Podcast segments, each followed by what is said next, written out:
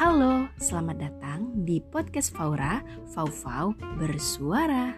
Kamu akan mendengarkan cerita tentang pendapat, ide, serta gagasan mengenai hal edukatif, inspiratif, serta meningkatkan self-development dalam diri.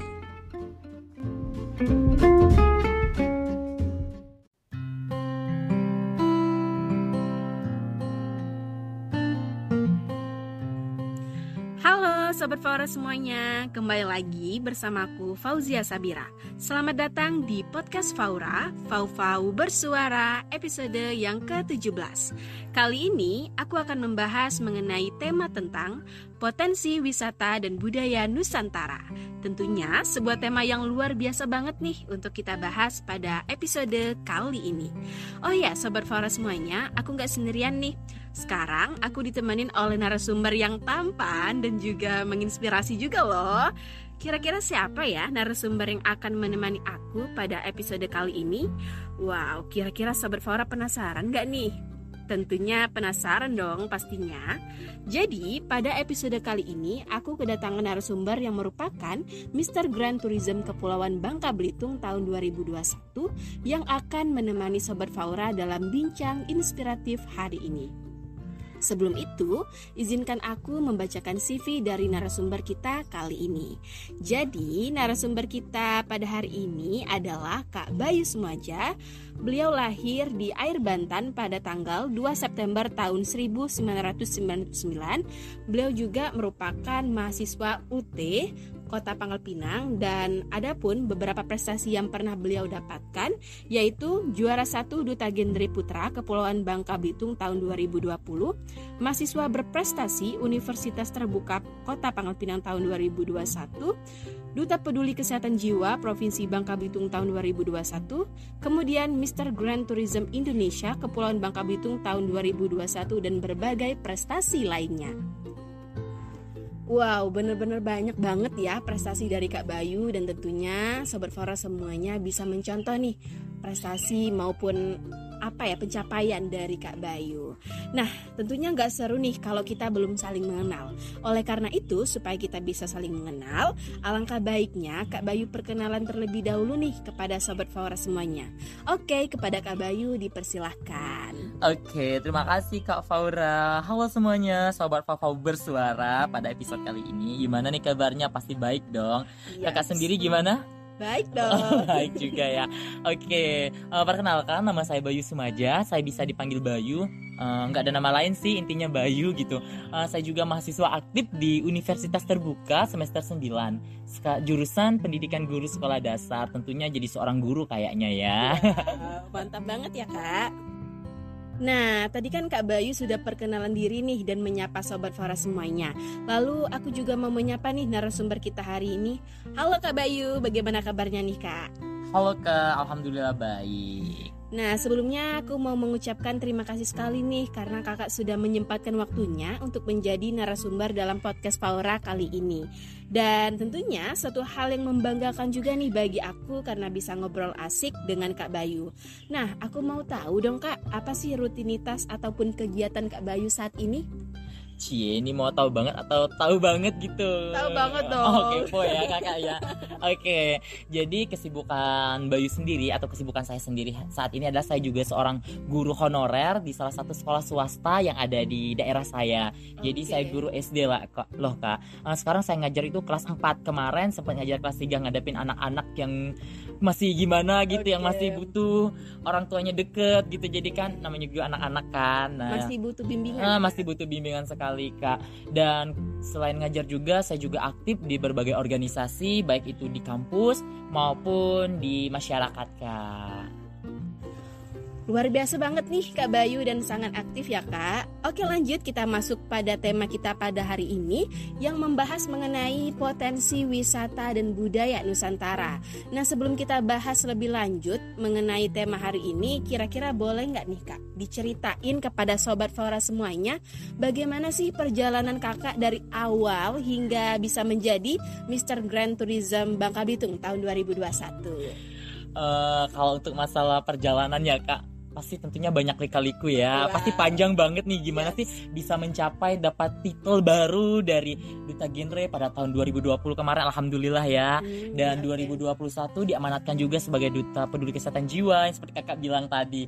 Nah dan alhamdulillah di akhir-akhir waktu itu ya akhir-akhir pada tahun 2021 kalau nggak ya akhir-akhir pada bulan Oktober nih kak.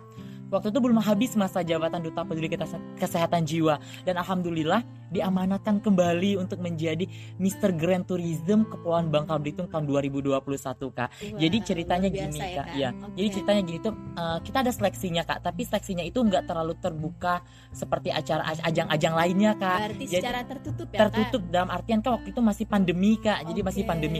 Jadi sistemnya itu masih luring sama daring Kak? kak. Hmm, jadi hibrid ya kak. hybrid ya. Jadi kebanyakan tuh kemarin tuh kebanyakan daring kak. Jadi Bayu aja seleksinya daring dan di situ uh, sempat insecure kak untuk ngikut ini Kenapa karena tuh kak? namanya juga Mister kak tentunya yang peserta lainnya ikut seleksi itu banyak sekali kak sekitaran ada 10 12 Mister kak ya ada 12 Mister Oke. yang mengikut yang mendaftar untuk menjadi Mister Grand Tourism Kepulauan Bangka Belitung dan mereka prestasinya yang sangat luar biasa terutama wajahnya yang juga sangat luar biasa Wah, ya kak tahu-tahu Iya. kan ya. dan kuliahnya juga mereka tuh bagus-bagus semua kak. Sedangkan Bayu cuman kuliah di universitas terbuka yang di, gimana sih orang dengernya tapi sih Bayu pede aja gitu kan. Harus intinya kuncinya kita harus pede ngikut ininya. Jadi ikutlah Bayu memberanikan diri nih membranding diri dulu. Harus berani apa pun hasilnya Bayu terima gitu. Jadi ikutlah seleksi dan alhamdulillah ternyata pihak manajemennya jadi ini kita masih manajemen kak bukan yayasan. Jadi pihak manajemennya mempercayai Bayu kak untuk Oke, membawa nama Bangka Belitung ke kancah banget ya, nasional Kak. Jadi bukan hanya itu kak Bayu bukan hanya sebatas itu saja Bayu juga penuh perjuangan untuk menemui salah satu ketua ASPI di Bangka Belitung kak. Nah di mana ketua ASPI di Bangka Belitung itu bukan di Pulau Bangkanya kak, tetapi di Pulau Belitungnya kak. Wah, Jadi, harus menyeberang pulau harus ya? menyeberang pulau kak. Nah Bayu waktu itu sama Missnya, Missnya juga terpilih waktu itu Miss Grandnya. Jadi dia berangkat naik pesawat karena dia orang Pangkal Pinang Missnya kak. Sedangkan Bayu kan orang Bangka Selatan nih di ujung lagi lokasinya. Jadi kalau mau ke Pangkal Pinang juga masih jauh kan. Oke, nah jadi oke, betul. Bayu perjalanan ke Belitung itu naik kapal laut loh kak sehari Oh. satu hari satu malam gitu naik kapal laut kak bayangkan naik kapal laut karena lebih deket gitu kak dibandingkan Iya. Bayu harus ke Pangkal gitu kan jadi berangkat dari Sada itu namanya kak nggak jadi rumah Bayu sampai ke Belitung gitu jadi kita ketemulah sama Aspi dan disambut langsung secara hangat dari uh, Aspi tersebut kak Oke, luar biasa banget ya kak. Berarti yang aku tangkap di sini adalah kak Bayu benar-benar berusaha banget gitu untuk bisa menjadi Mr. Grand Tourism Bangka Belitung tahun 2021. Wow, luar biasa banget ya Kak Bayu perjalanannya dan semoga nanti ke depannya Kak Bayu tetap terus berkontribusi ya Amin. terkait pariwisata Bangka Belitung maupun di pariwisata Indonesia. Iya. Selanjutnya aku mau tanya nih Kak, menurut perspektif Kak Bayu, bagaimana sih pandangan Kakak mengenai pariwisata di Indonesia saat ini? Oke, untuk mengenai pariwisata di Indonesia saat ini, menurut pandangan saya ya, untuk di Indonesia sendiri itu sangat luar biasa kak. Apalagi pada tahun 2022, Indonesia sebagai tuan rumahnya G20 ya, Wow. G20 sangat apresiasi sekali untuk Indonesia. Apalagi eh, Kemenparnya, kepalanya itu sangat luar biasa sekali Bapak Sandiaga Uno yang membangun pariwisata di mana kita kemarin sempat vakum di bidang pariwisata karena terjadinya pandemi COVID-19 kak Iya, iya. banyak sekali masyarakat perekonomian masyarakat yang menurun ap- sampai benar-benar nggak ada lagi namanya tenaga kerja di dunia pariwisata kak karena pandemi COVID-19 Iya jadi banyak yang dipecat ya kak, Iya, benar ataupun karena terpaksa Kehilangan- diberhentikan gitu karena kehilangan memang pekerjaan. kehilangan pekerjaan, kemudian banyak hal lainnya. iya benar. Nah jadi pandangan perusahaan itu sangat bagus sekali di Indonesia jadi sa- sangat disayangkan sekali jika pariwisata di Indonesia itu disia-siakan oleh pemerintah sendiri ataupun dari kita sendiri nih kak. Iya. karena kita nggak mungkin nih tergantungnya dari pemerintah terus. Kalau bukan dari kita siapa lagi nih? Iya. dari orang yang bawah lah intinya. Kita ini bagian dari orang yang bawah untuk mengembangkan pariwisata yang ada di Indonesia. Nah sedangkan terkenalnya itu di Bali ya kak. Di Bali sendiri orang mancanegaranya tuh cuma tanya Bali, Bali, Bali, Bali dan Bali. Padahal salah satunya Bangka Belitung sendiri itu luar biasa ya pariwisatanya. Bukan hanya di Bangka Belitung, di daerah Sumatera, daerah Jawa, di daerah Papua ataupun Kalimantan itu bagus bagus-bagus sekali untuk pariwisatanya sendiri kak. Jadi pandangan saya itu sendiri luar biasa sekali sih kak pariwisata yang ada di Indonesia itu kak. Lalu aku mau tahu juga dong kak, kira-kira destinasi pariwisata apa saja sih yang menarik di Bangka Belitung? Siapa tahu aja nih ya kak, Sobat Flora semuanya yang mendengarkan podcast kita kali ini bisa tertarik untuk berkunjung ke Bangka Belitung. Oke, kepada Kak Bayu dipersilahkan. Oke, terima kasih Kak Fau karena untuk masalah pariwisata yang di Bangka Belitung itu sangat banyak ya Kak. Salah satunya ada wisata budaya, ada wisata alam, ada wisata bahari maupun wisata lainnya. Nah, di Bangka Belitung adalah surganya wisata loh Kak. Wow. Nah, jadi teman-teman atau sahabat Faura, jadi ingat Bangka Belitung adalah surganya tempat wisata, pariwisata ya kak. Tetapi di sini Bayu ingin mengajak kalian, salah satu adalah wisata geoset yang ada di Pulau Belitung kak. Wow. Di mana geoset ini telah diakui oleh UNESCO dari 10 negara dan alhamdulillah Indonesia Belitung adalah urutan kelima untuk geoset itu sendiri kak. Wah, luar biasa. Jadi ya, Kak. di mana kenapa sih harus geoset atau geopark ya kak? Karena di Belitung itu udah melengkapi semua ada uh, budayanya, ada hewannya, tumbuhannya, serta ada peninggalan, ada istiadat. Jadi geoset itu harus melengkapi dari itu semua kak, bukan hanya cuman keindahan alamnya saja, ataupun hewannya saja, ataupun tumbuhannya. Tetapi kalau di Belitung itu memang udah lengkap versi lengkap. Malahan ada yang masih percaya di tempat wisata itu dengan mistis kak. Kemarin tuh sempat Bayu berangkat ke Belitung ya sekalian. Katanya kalau kita mancing di danau ini bukan danau sih tebat rasau namanya. Oke. di tebat itu kita nggak boleh pakai yang cacing ataupun udang kak. Wow, dia maunya mancingnya pakai nasi kak. Jadi kita Oh kalau mancingnya pakai nasi itu udah aku tanya emang bisa? Bisa dapat? Kita coba dan ternyata memang bisa dapat. Wow, Kenapa kita bilang ya, Kak. nggak boleh pakai yang berbau amis gitu kan? Karena takutnya masih kepercayaan mereka ya. Oke. karena masih berbau-bau adat istiadat nanti memanggil hewan yang bernamanya buaya kak nggak mau gitu jadi bahasa mereka tuh amal kak kata orang Belitung gitu kak jadi nggak mau manggil hal luar gitu biasa banget ya kak. Berarti selain uh, wisata dalam artian pantai, kita juga punya nih ya wisata-wisata yang ada di Belitung dan di Bangka juga punya ya kak. Wah bener-bener luar biasa banget nih kak. Kemudian nih kak, tadi kan kak Bayu sudah kasih info nih mengenai destinasi wisata yang ada di Bangka Belitung. Nah, aku juga mau tahu nih, menurut perspektif dari kak Bayu, apa sih potensi wisata di Nusantara yang dapat dikembangkan gitu kak? Oke, menurut pandangan saya ya kak, karena banyak sekali tadi kan udah saya jelasin wisata Indonesia itu banyak sekali ada wisata alam, wisata budaya, wisata sejarah, wisata adat istiadat. Nah di sini yang saya ingin kembangkan sendiri adalah wisata sejarah itu sendiri kak. Karena Oke. apa? Eh, banyak sekali anak zilenial sekarang maupun milenial sekarang itu udah nggak tahu lagi sih mereka cuma bisanya foto-foto aja gitu di tempat yang nggak tahu ada sejarahnya atau enggak gitu. Mereka cuma tahu foto posting di tempat ini misalnya di Candi Borobudur. Tetapi giliran ditanya orang, di- ditanya orang, itu ceritanya gimana sih bisa terbentuknya Candi Borobudur gitu? Pasti mereka jawabnya nggak tahu kan. Nah, di sini saya sangat mengembangkan untuk potensi wisata sejarah. Di sini saya ingin jadi gate untuk wisata sejarah karena apa? Saya ingin menjelaskan kepada anak-anak zilenial ataupun milenial mengenai wisata sejarah tersebut Kak. Jadi mereka cuman jangan cuman bisa posting foto di tempat sejarah tetapi tidak tahu sejarahnya Kak. Oke, berarti sekalian memperkenalkan ya Iya, Kak, benar sejarah, sekali, Kak. eh, destinasi wisata tersebut dan lain dan lain sebagainya. Iya ya, Kak benar sekali. Selanjutnya, di tahun 2021 kan Kak Bayu menjabat sebagai Mr. Grand Tourism Bangka Belitung. Aku mau tahu dong Kak, program apa saja sih yang telah Kakak lakukan untuk membantu mengembangkan pariwisata dan budaya di Indonesia, terkhususnya di Bangka Belitung. Oke, mengenai program kerja sendiri ya, tentunya orang-orang pasti tahu kalau tourism pariwisata paling cuma mempromosikan gitu kan. Enggak. Eh, tentunya kita sendiri Bayu sendiri beserta rekan-rekan Bayu juga memiliki program sendiri Kak. Jadi program kerja Bayu itu adalah namanya iseng berbuat untuk berguna Kak. Iseng loh, iseng. kalau bahasa Bangka iseng tuh apa ya? Artinya iseng. Oh, gimana ya? Gimana ya? Gabut nggak sih? Gabut-gabut gitu ya. Ya. Ah, Iseng berbuat untuk berguna Kak. Nah, jadi iseng itu sendiri programnya adalah di sini pertama karena masih pandemi COVID-19 kemarin Bayu sempat juga membantu UMKM yang ada di Bangka Belitung kak tepatnya eh, beberapa UMKM yang telah Bayu bantu untuk membangkitkan kembali kegiatan mereka kak. Salah satunya yang itu ada yang di Belitung kak. Kemarin kan Bayu sempat ke Belitung. Jadi Bayu membantu yang ada di Belitung itu pembuatan sedotan dari purun kak. Tahu tahu purun nggak kak? Yang biasanya orang bikin yang tiker tiker yang di rumah-rumah itu ah yang dari daun purun gitu nah itu juga bisa dibikin sedotan kak bukan hanya untuk tiker saja tetapi juga bi- bisa untuk bikin sedotan kenapa sih mereka lebih mengembangkan eco straw tersebut kak purun eco straw karena eh, kan kita sendiri sampah yang terbanyak ada di Indonesia gitu kak. Nah jadi itu untuk mengurangi sampah yang ada di Indonesia salah satu di Belitung itu sendiri kak. Oke, berarti sangat-sangat berguna banget ya kak program dari Kak Bayu ini.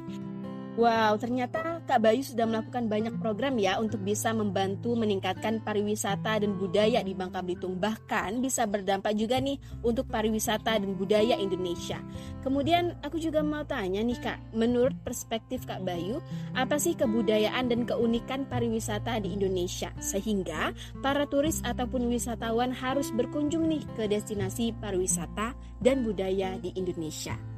Oke, apa sih uh, kebudayaan dan keunikannya pariwisata Indonesia ya. Karena salah satunya contoh kita ambil di Bali saja ya Kak Indonesia. Karena orang luar tuh pasti pengennya tuh ke Bali. Karena di Bali itu sendiri Kak ada di di salah satu tempat wisata yang benar-benar masih adat istiadatnya itu masih kental Kak. Jadi mereka berpakaian aja masih ala-ala zaman bahula kata zaman dahulu gitu Kak. Masih menggunakan ada istiadat, tidak menggunakan celana jeans atau apa. Mereka masih pakai kemben, masih pakai kebaya, masih sangat menjaga, sangat menjaga um, warisan ya? budaya yang ada di Bali kak dan walaupun di Bali terkenal tempatnya para bule-bule atau iya. wisatawan yang menggunakan sin suite ataupun apa tetapi di Bali juga kak masih menekankan kebudayaan Bali kak okay. jadi mereka tidak menghilangkan kebudayaan Bali itu sendiri kak ya, benar-benar menjaga adat istiadat nah, dengan baik juga ya benar. kak Wow, luar biasa banget ya Kak. Ternyata banyak sekali keunikan yang dimiliki oleh negara kita. Tentunya dalam hal ini kita harus tetap menjaga dan melestarikan keindahan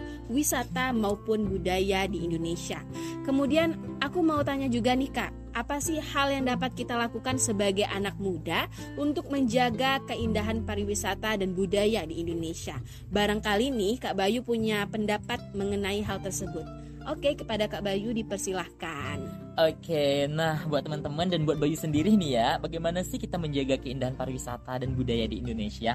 Salah satunya kita akan menjaga keindahannya terutama ya kak, nanti kita baru ke budayanya.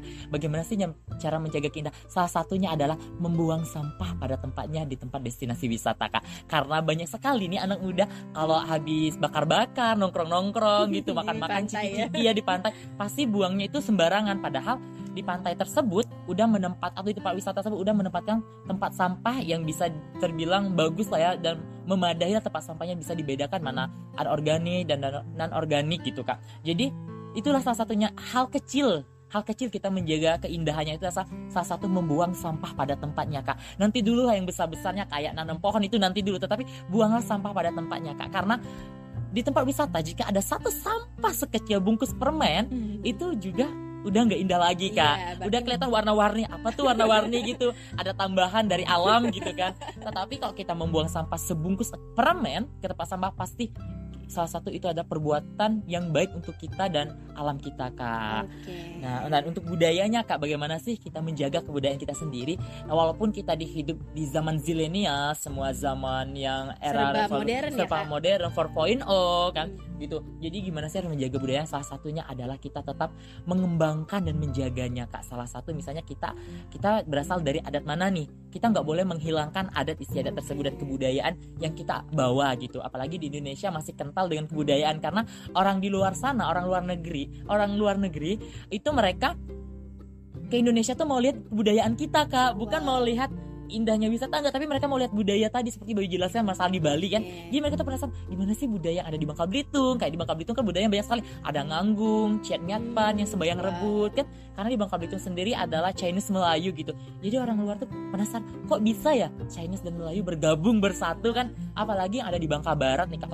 Ada masjid dan kelenteng bersandingan. Nah itu sangat unik sekali kak. Jadi buat sahabat Faura yang mendengar podcast kali ini. Jadi kalau kalian mau ke wisata religius itu ada di Bangka Barat sendiri. Itu ada masjid dan kelenteng yang berdampingan sama-sama berdampingan. Jadi mereka setiap di masjidnya agama Islam nih.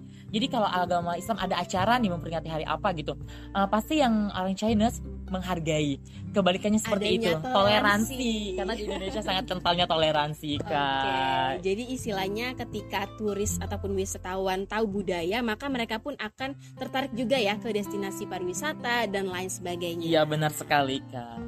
Setuju banget nih sama Kak Bayu, kita sebagai anak muda harus terus berkontribusi nyata untuk menjaga pariwisata dan pelestarian budaya negara kita. Karena kalau bukan kita, siapa lagi? Dan kalau bukan sekarang, kapan lagi ya Kak?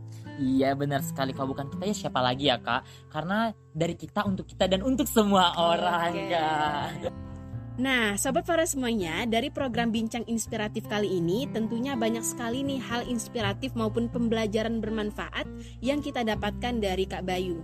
Tentunya sebagai warga negara Indonesia, kita harus mencintai kebudayaan maupun menjaga pariwisata Indonesia. Karena wisata dan budaya adalah aset negara yang sangat berharga. Maka dari itu, sudah menjadi tugas kita bersama nih untuk bisa berkontribusi nyata untuk negara kita demi terwujudnya pariwisata dan budaya Indonesia yang bisa terus jaya dan mendunia serta bisa dikenal hingga ke mancanegara. Iya benar sekali nih Kak Val Jadi kita sebagai anak muda Kita juga harus mengenalkan budaya kita sendiri sampai ke mancanegara Wow, ternyata udah banyak ya kak kita bahas mengenai tentang wisata maupun budaya hari ini. Kira-kira dari Kak Bayu ada pesan ataupun kata-kata inspiratif nggak nih untuk para sobat Faura yang sedang mendengarkan podcast kita kali ini?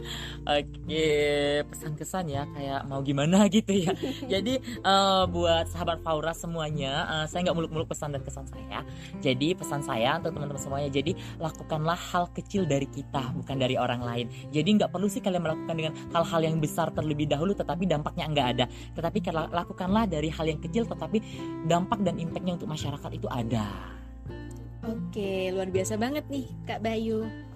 Nah, itu tadi pesan dan sekaligus closing statement nih dari Kak Bayu. Terima kasih kepada Kak Bayu yang sudah berkenan hadir dalam podcast Faura kali ini dalam program Bincang Inspiratif mengenai potensi wisata dan budaya Nusantara. Semoga Sobat Faura yang mendengarkan podcast ini bisa terinspirasi dan termotivasi untuk menjadi pelopor demi terwujudnya pariwisata dan budaya Indonesia yang jaya di masa depan. Untuk itu, sebelum ditutup boleh dong Kak infoin Instagramnya supaya Sobat Fora bisa kenal Kak Bayu lebih dekat. Aduh, untuk promosi Iya. ya akhir-akhirnya ya. Oke, untuk sobat Faura semuanya, jangan lupa follow juga Instagram aku @bayu.smj kalau mau cerita-cerita ataupun mau sharing-sharing juga bisa kok. Karena Bayu juga buka yang namanya PPKM pentingnya peduli kesehatan mental. Jadi kalau teman-teman yang galau atau apa gitu mau cerita boleh, tapi Bayu tetap dalam kutipan Bayu tetap menjaga rahasia kalian siapa sih kalian. Jangan lupa di follow ya Sobat Fora semuanya. Nah, gak terasa banget ya udah di akhir podcast nih. Aku mau mengucapkan terima kasih kepada Sobat Fora semuanya yang sudah mendengarkan podcast aku kali ini. Jangan lupa dengarkan podcast aku di aplikasi Spotify dan platform podcast lainnya, serta follow Instagram aku di @fauzia underscore bira. Dan untuk tahu info podcast aku lebih lanjut, bisa juga nih follow Instagram @faura underscore bersuara. Untuk itu, tetap semangat dan jangan lupa bahagia ya. Terima kasih Sobat Fora semuanya. Dadah! Yeah.